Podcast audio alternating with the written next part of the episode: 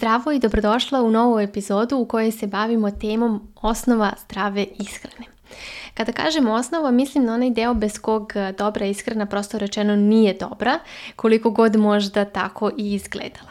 Neki ljudi će vam reći da se hrane zdravo i vidjet ćete da se njihov odabir svodi na nutritivno bogate namirnice, ali sa druge strane tu je prevelika opterećenost samom ishranom, osusu o raznovrsnosti i naravno balansa. Kvalitetna ishrana je mnogo više od samog izbora namirnica, pre svega to je odnos između vas, hrane i njenog nutritivnog kvaliteta. Nedavno sam imala jednu klijentkinju na individualnom programu koja je došla sa vrlo zavidnim znanjem o nutricionizmu i njene navike u ishrani su na prvi pogled bile sasvim dobre. I tako sam odmah na početku u prvom momentu pomislila zašto se meni ova žena uopšte obraća za pomoć. Međutim, naravno, kroz detaljne upitnike i sam razgovor došli smo do zaključka da njeno poznavanje ove oblasti nema primjenu u njenoj ishrani na način kako bi zaista trebalo. Šta smo tačno zaključile? Za početak ona je birala nutritivno kvalitetne namirnice, imala je da kažemo količinski balansiran unos tokom dana, ali jedna stvar nije štimala.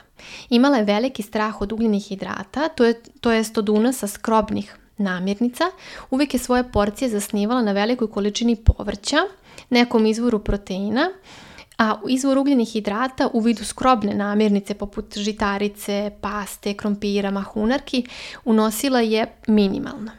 Što je onda nju u početku vodilo do nekog konstantnog osjećaja gladi i nezadovoljstva nakon obroka, a kasnije je to prešlo i u povremena prejedanja raznom drugom hranom.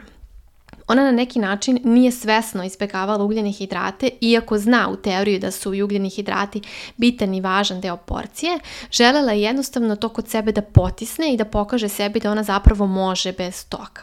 Ključna ideja je bila da tim potezom ona uštedi kalorije za one momente kada jede slatkiše ili neku generalno jaču hranu.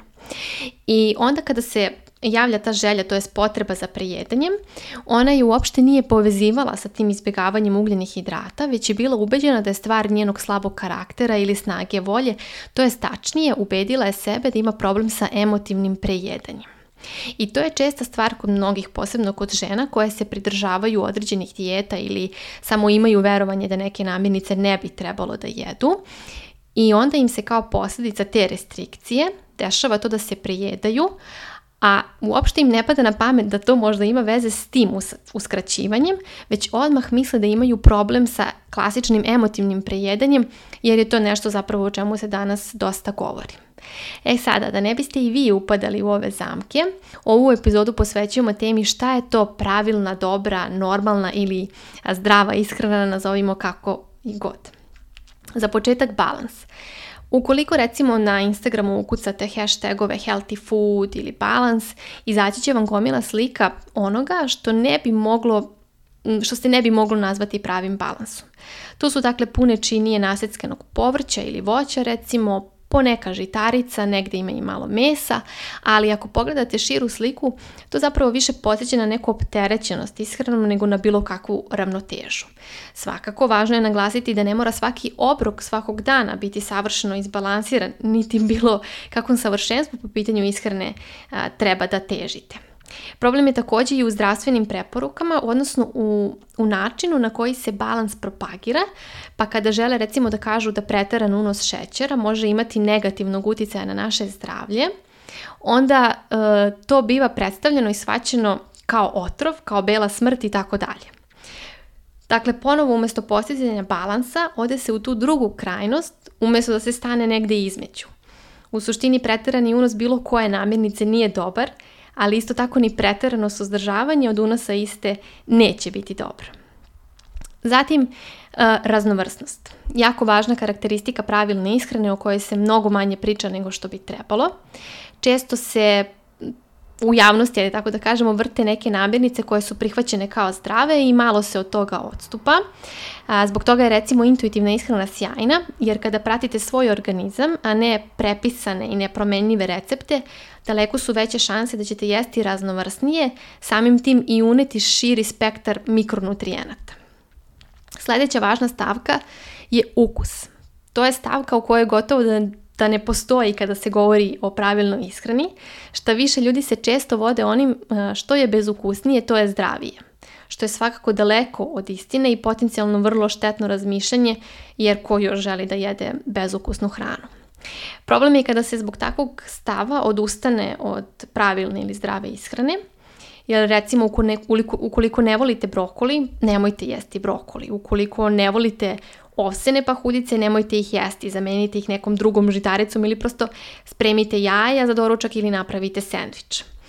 Kada vam hrana koju jedete nije ukusna, ne postoji ta pravilnost ishrane koja će vas podstaknuti da dugoročno istrajete u primjeni iste. Druga strana je to što ljudi budu uvereni da nešto ne vole, što su jeli samo recimo na jedan način, a često je eksperimentisanje vrlo korisno.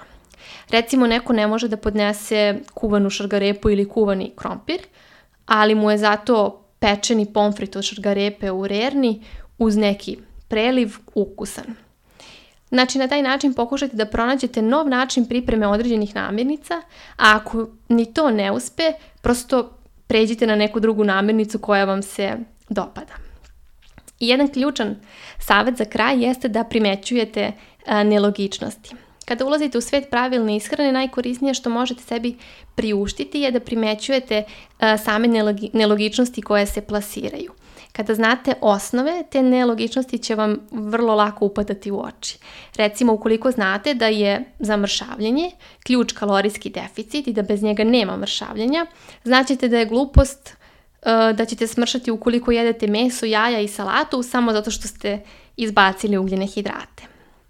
Kao što ćete znati da je super hrana marketinški trik i da recimo super voće nije ništa bolje od bilo kog drugog voća, osim što je u tom momentu popularno.